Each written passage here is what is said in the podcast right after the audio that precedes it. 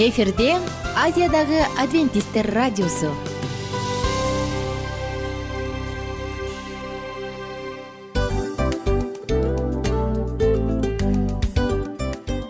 Достор салют.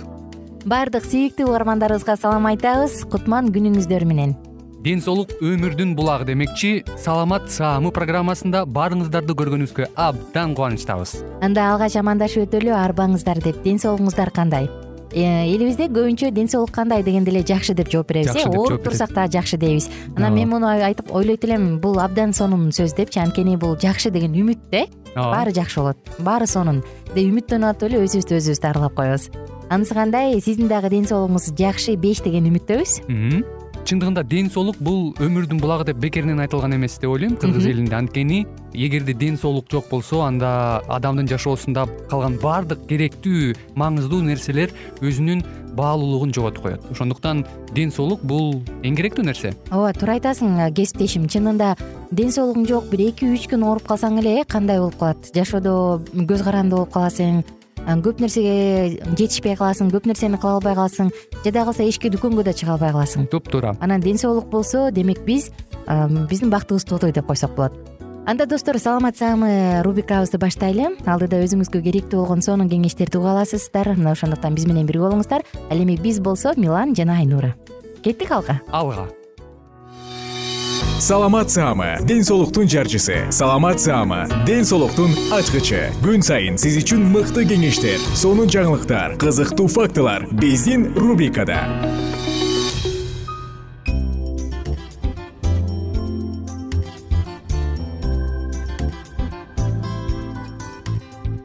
Саламатсыздарбы биздин кымбаттуу угармандарыбыз жалпыңыздар менен кайрадан амандашып саламат саама рубрикасын баштадык. Жана бүгүнкү тема гастрит ашказан жарасы гастрит жана ашказан жарасы тыңдап жатканыңыз саламат саама рубрикасы жана анын алкагында биз пайдалуу суусундуктар деп аталган циклды баштаганбыз.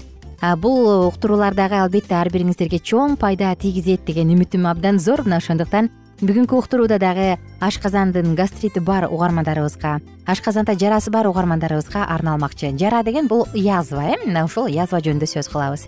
Негизи ашказан жарасы жөнүндө сөз кылсак ал ашказанда жаранын пайда болушун ар кайсы бактериялар шарттайт. Медиктердин тилинде алар хеликобактер деп айтылат. Алар ашказандагы он эки ичегинидеги жаранын пайда болушунун себепкери болушат. Аталган бактерия организмге булганган суу тамак аркылуу кириши мүмкүн. Алгач гастритти кийин ашказан он эки эле ичегисинин жарасын дагы пайда кылат. Бактерия адамдан адамга кол шилекей идиш аяк өбүшүү аркылуу жугат бактерия ашказанга кирген соң ал жерде байырлап көбөйүп ашказандагы үч катар чел кабыкты жеп ууландырат мындай учурда туз кислотасынын ашказандын бетине түз тийүүсүнө жол ачылат дагы экөөнүн айынан ашказандын жарасы келип чыгат. Тез тезден эле капаланып кайгыруулар нерв системасынын иштөөсүн бузуп туз кислотасынын көп бөлүнүп чыгуусун дагы шарттайт. Мындай аадат өнөкөткө айланса жаранын келип чыгышы турган кеп өзгөчө ач карын кезде кайгылануу жаман стресс чылым ашказан жарасын дагы пайда кылат адам дайыма стрессте жүрсө чаржайып тамактанса тамеки тартса спирт ичимдиктерин ашыча пайдалануу дары дармектин кандай түрү болбосун ашказан жарасын дароо болбосо да акырындык менен пайда кылат тамак аштан өтө туздуу ачуу азыктардан абайлаш керек. Өтө муздак же газдалган суусундук да ашказанга сокку болот. Эгер тамак ичкенден кийин бир аздан кийин эле ашказан оорута баштаса демек жара бар деген белгиле ашказанда жара жаңыдан эле пайда болуп баштаган болсо адатта тамактан кийин бир эки сааттан кийин оорутат ашказанда жара болсо курсак ача баштаганда ашказан ачышып түн ортосунда дагы оорутуп зарына кылат. Эгер адам өзүнөн ушундай белгилерди байкаса анда сөзсүз түрдө дарыгерге кайрылышы керек. Ашказанында жарасы бар адамдар оор жумуш кылганга болбойт алар тамакты ылгап жеп диета кармаганы дагы зарыл анан албетте пилари бактериясын түп орду менен жок кылууга атайын антибиотиктер берилет. Дарылар ашказандын кычкылданып оозго ачуу даам келгенин токтотуп чел кабыкты туздан коргогонго дагы жардам берет. Бул ашказан жарасы жөнүндө болду.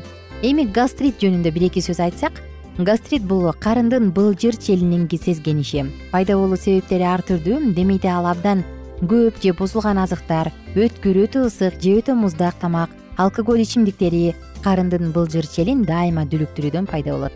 Эске салсак биз мурунку уктуруубузда дал ушол гастрит жөнүндө сөз кылганбыз. Гастриттин түрү бар бул катуу кармаган жана өнөкөт кармаган деген. Өнөкөт гастрит деген. Мунун себебин билип алып туруп сөзсүз дарылануу зарыл болбосо гастрит язвага алып келет.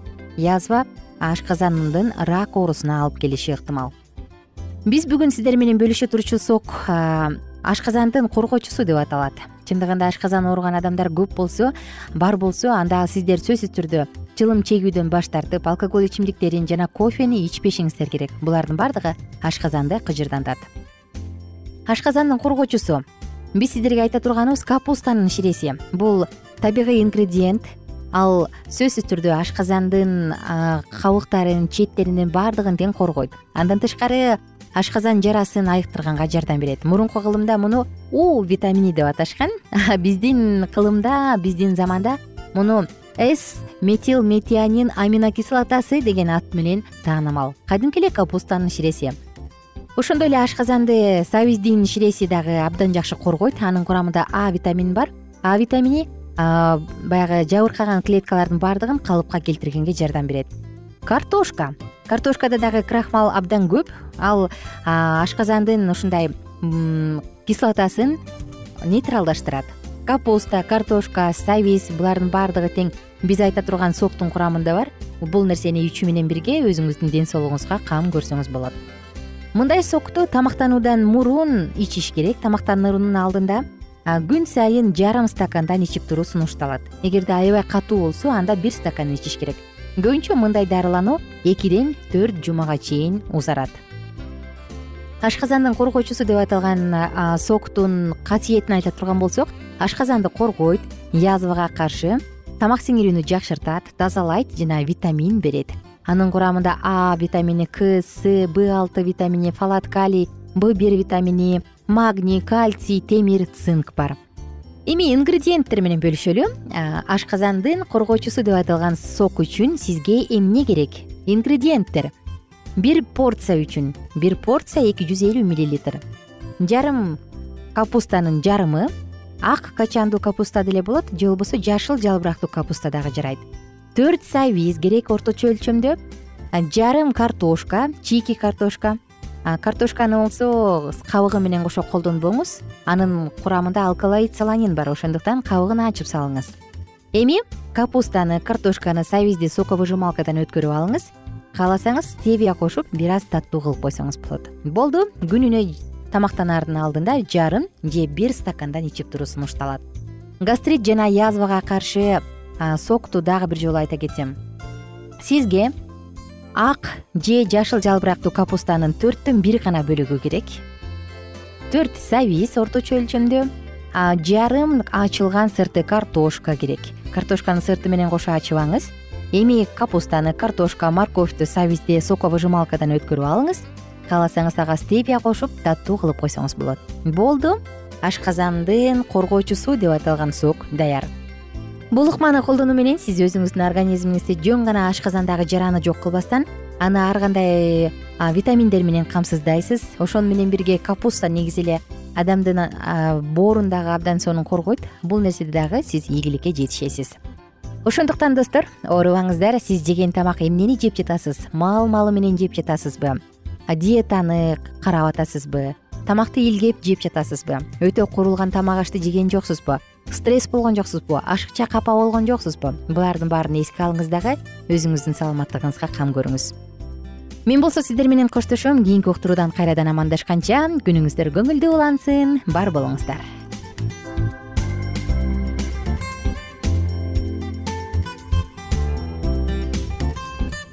Кененирээк маалыматтар үчүн үч w чекит саламат чекит клуб сайтына келип таанышыңыздар жана андан тышкары социалдык тармактарда youtube facebook жана instagram баракчаларына катталыңыз.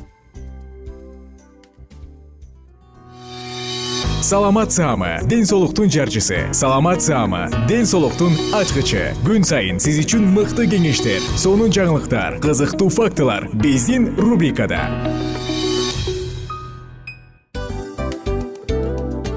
Салам достор кайрадан биздин сүйүктүү рубрикабызга кош келиңиздер деп айтмакчыбыз.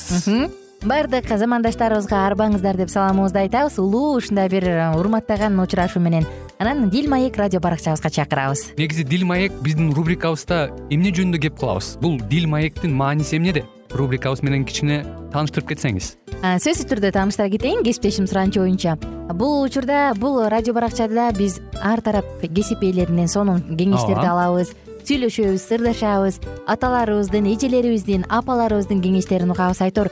Жан дүйнөгө адамдын э, сапатына адамдын деги эле адам болуп жашашына керектүү баардык кеңештер алдыда.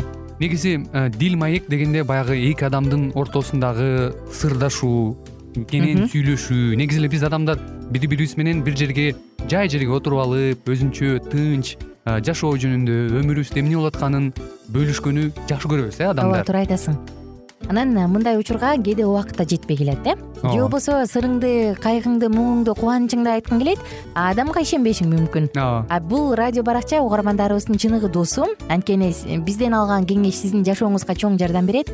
Ал эми сиздин бизге айта турган сөзүңүз ортодо гана сыр бойдон калат. Ошондуктан биздин дил маек рубрикабызга дагы бир жолу кош келиңиздер. Жана биз даярдаган маалыматтарга даяр болуңуздар. Айнура жана милан сиздер менен бирге алдыга кеттик ар түрдүү ардактуу кесип ээлеринен. Алтын сөздөр жүрөк ачышкан сыр чачышкан сонун маек. Дил маек рубрикасында.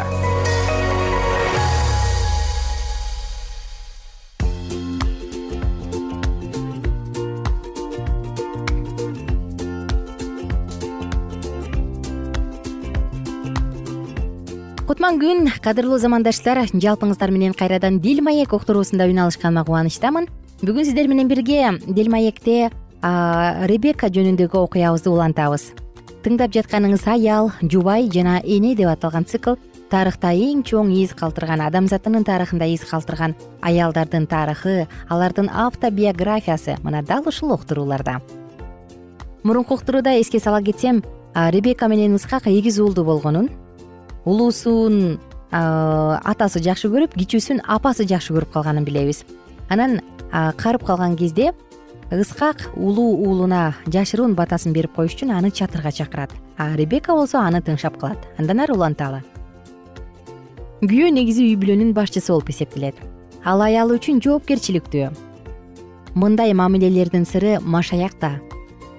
Жубайлар машаяктын алдында ыйык коркунуч менен бири бирине баш ийишкенде гана нике кудай бергиси келген мааниге ээ болот. Ошондо гана жубайлар кудайдын жаратуу тартибине шайкеш келип өз укуктарын эң мыкты колдоно алышат. Экөө тең ушул шарттарды аткарганда үй бүлө бактылуу жана гармониялуу болот. Ошондо гана үй бүлө чыныгы баш калкалоочу жай болуп үй бүлө мүчөлөрүнүн баарына коргонуч катары кепилдикке өтө алат. Ошондо гана аял үй бүлөсүнүн жыргалчылыгын сактоого жан дили менен аракет кылат. Ал күйөөсүнө өмүрү өткөнчө жамандык менен эмес жакшылык менен гана кайтарат.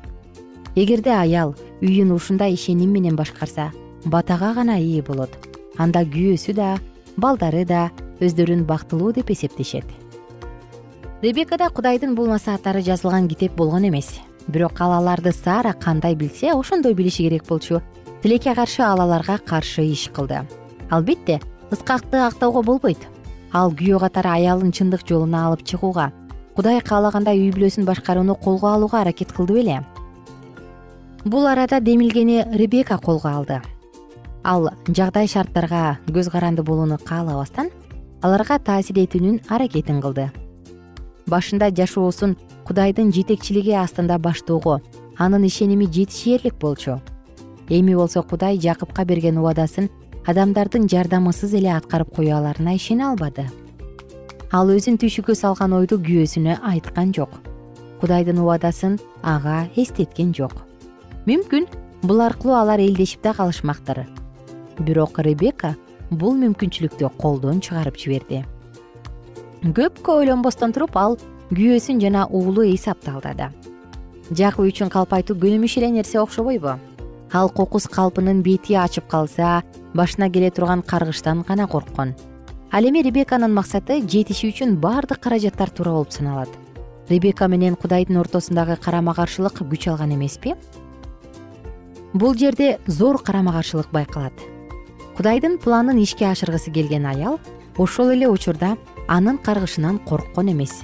Ал уялбай туруп уулум сага тие турган каргыш мага тийсин деди. Андан соң баары пландаштыргандай тез болуп өттү.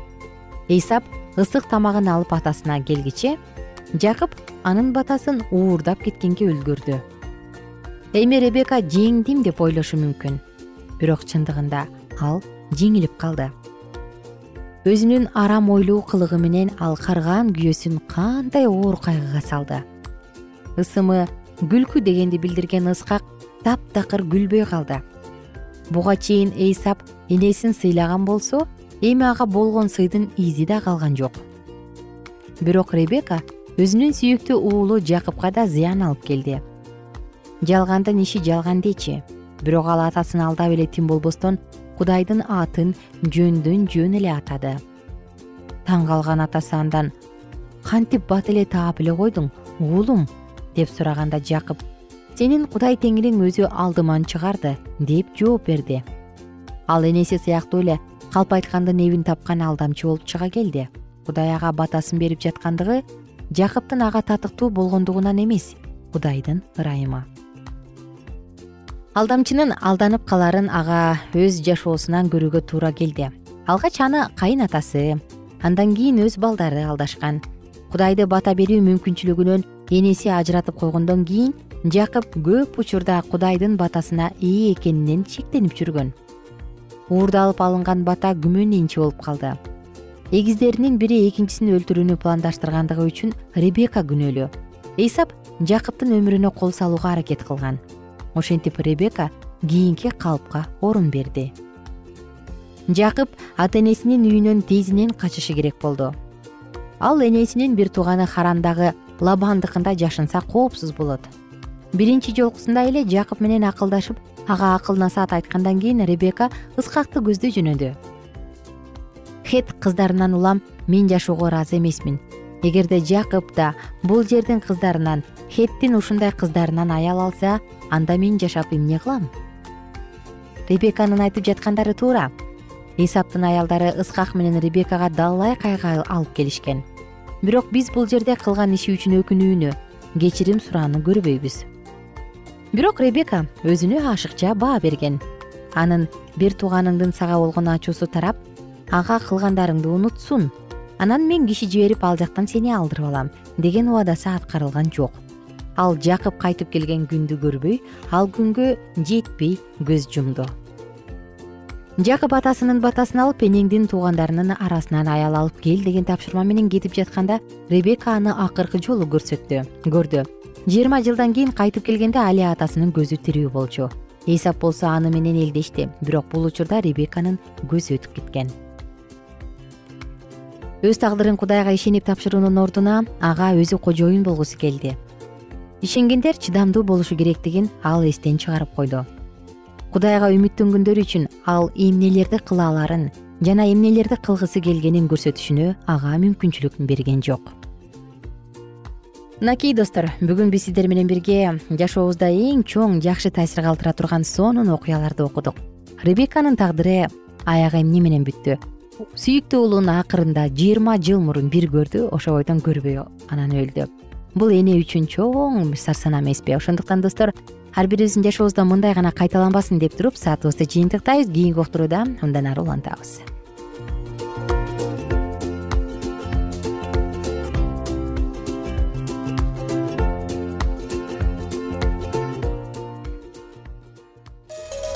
ар түрдүү ардактуу кесип ээлеринен. Алтын сөздөр жүрөк ачышкан сыр чачышкан сонун маек. Дил маек рубрикасында.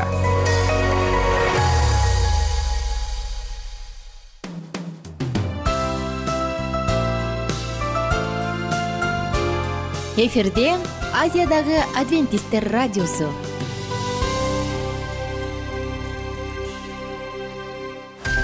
жан дүйнөңдү байыткан жүрөгүңдү азыктанткан жашооңо маңыз тартуулаган жан азык рубрикасы.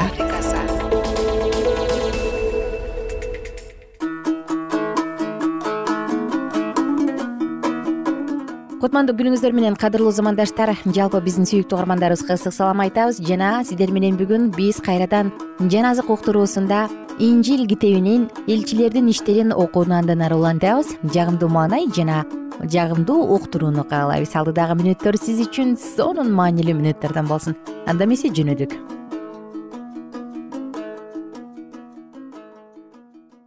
Элчилердин иштери он бешинчи бөлүм. Жүйүт аймагынан келген кээ бир жүйүттөр бир туугандарды эгерде мусанын мыйзамы боюнча сүннөткө отургузулбасаңар куткарылбайсыңар деп окутушту. Ошондон улам пабыл барнаба менен алардын ортосунда келишпестик пайда болуп талаш тартыш чыкты.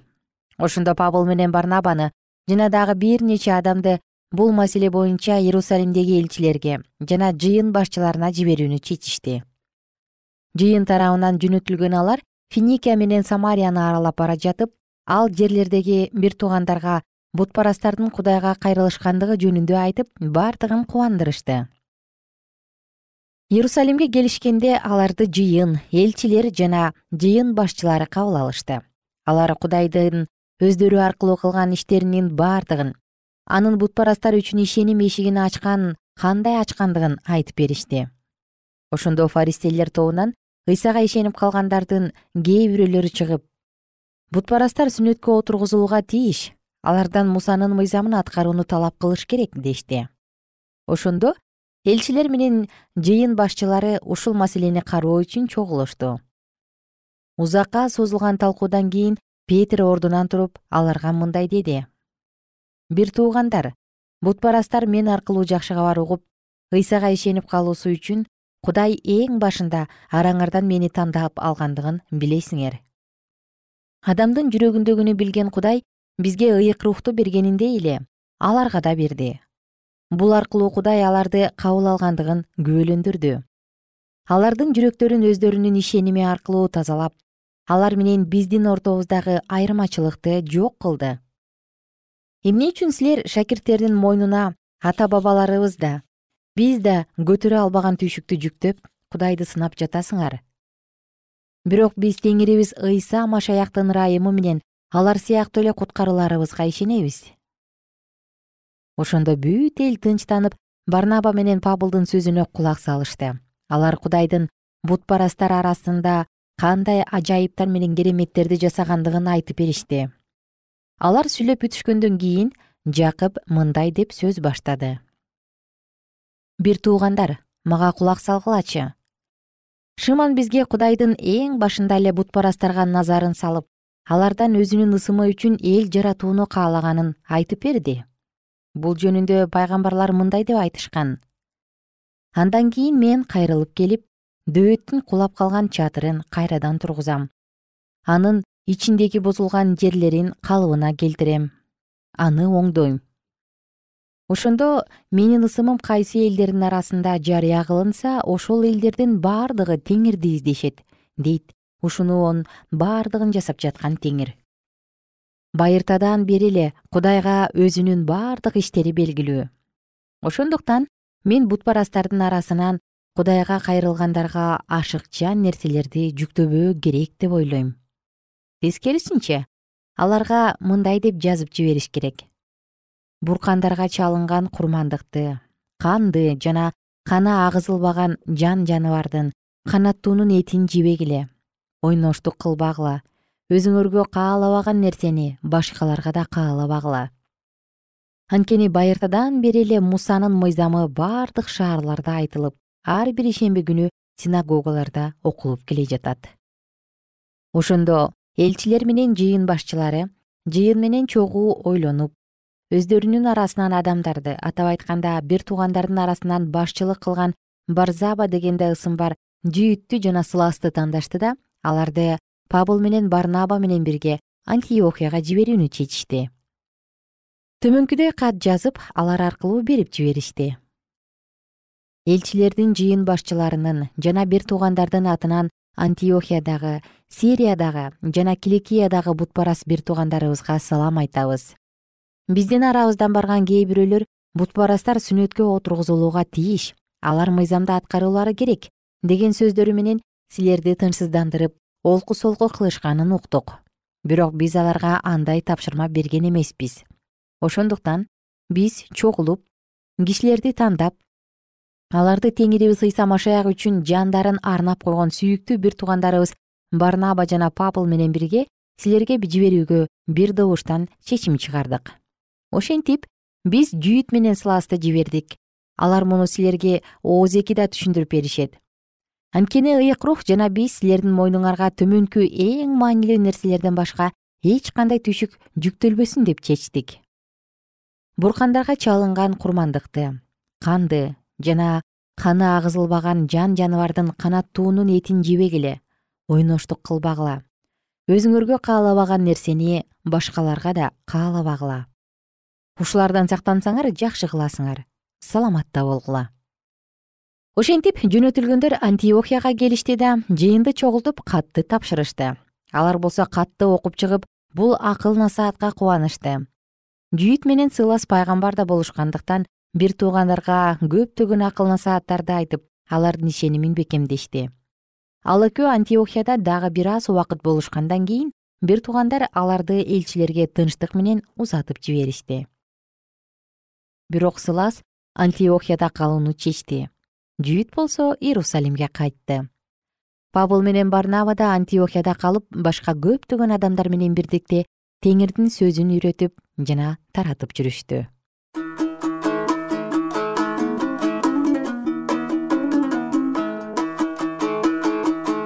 ардактуу достор бүгүн сиздер менен дагы бир сонун маалыматтарды сонун тарыхта болуп өткөн жана азыркы учурда дагы жашообузга керек боло турган маалыматты окудук. Сонун сөздөрдү окудук тирүү сөздөрдү окудук. Анткени бул сөздөрдүн күчү абдан зор. Достор сиздер менен коштошуу учурга келдик. Кийинки уктуруубузда саатыбызды андан ары улантабыз. Ага чейин жалпыңыздар менен коштошобуз жана кайрадан амандашканча сак саламатта туруңуздар демекчибиз жаназык уктуруусу болду күнүңүздөр көңүлдүү улансын. Маанайыңыздарды эч нерсе түшүрбөсүн.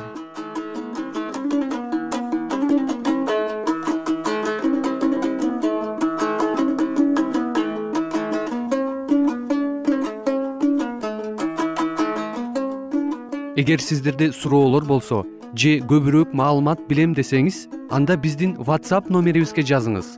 Плюс бир үч жүз бир жети жүз алтымыш алтымыш жетимиш кайрадан плюс бир үч жүз бир жети жүз алтымыш алтымыш жетимиш.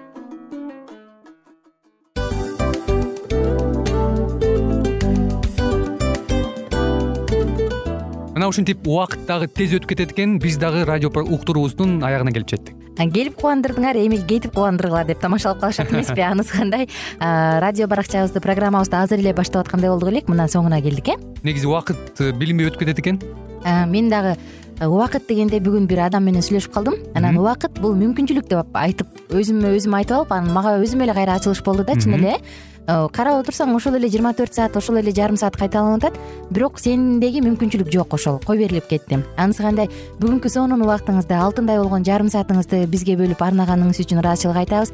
Анан жашооңуздун кайсы бир сферасын өзгөртө турган сонун пайдалуу кеңеш алган болсоңуз анда биз максатыбызга жеттик анан ушул нерсени кылбасам десеңиз ошол өзгөрүүлөрдү кичинекей кадамдардан баштап иш жүзүнө ашырыңыз дагы жашооңузда чоң чоң ийгиликтерге жетиңиздер чын жүрөктөн ар бир берилген кеңештер сөздөр сиздерге пайдасын алып келет деп ишенебиз жана кийинки уктурууларда сөзсүз түрдө чыдамсыздык менен сиздерди күтөбүз. Сагынычтуу салам айтып кайрадан дал ушул жыштыктан баардыгыңыздарды тосуп алгынча кызматта мен айнура жана кесиптешим милан. Анда кол пул жалпыңыздарга ийгиликтүү күн. Саламатта калыңыздар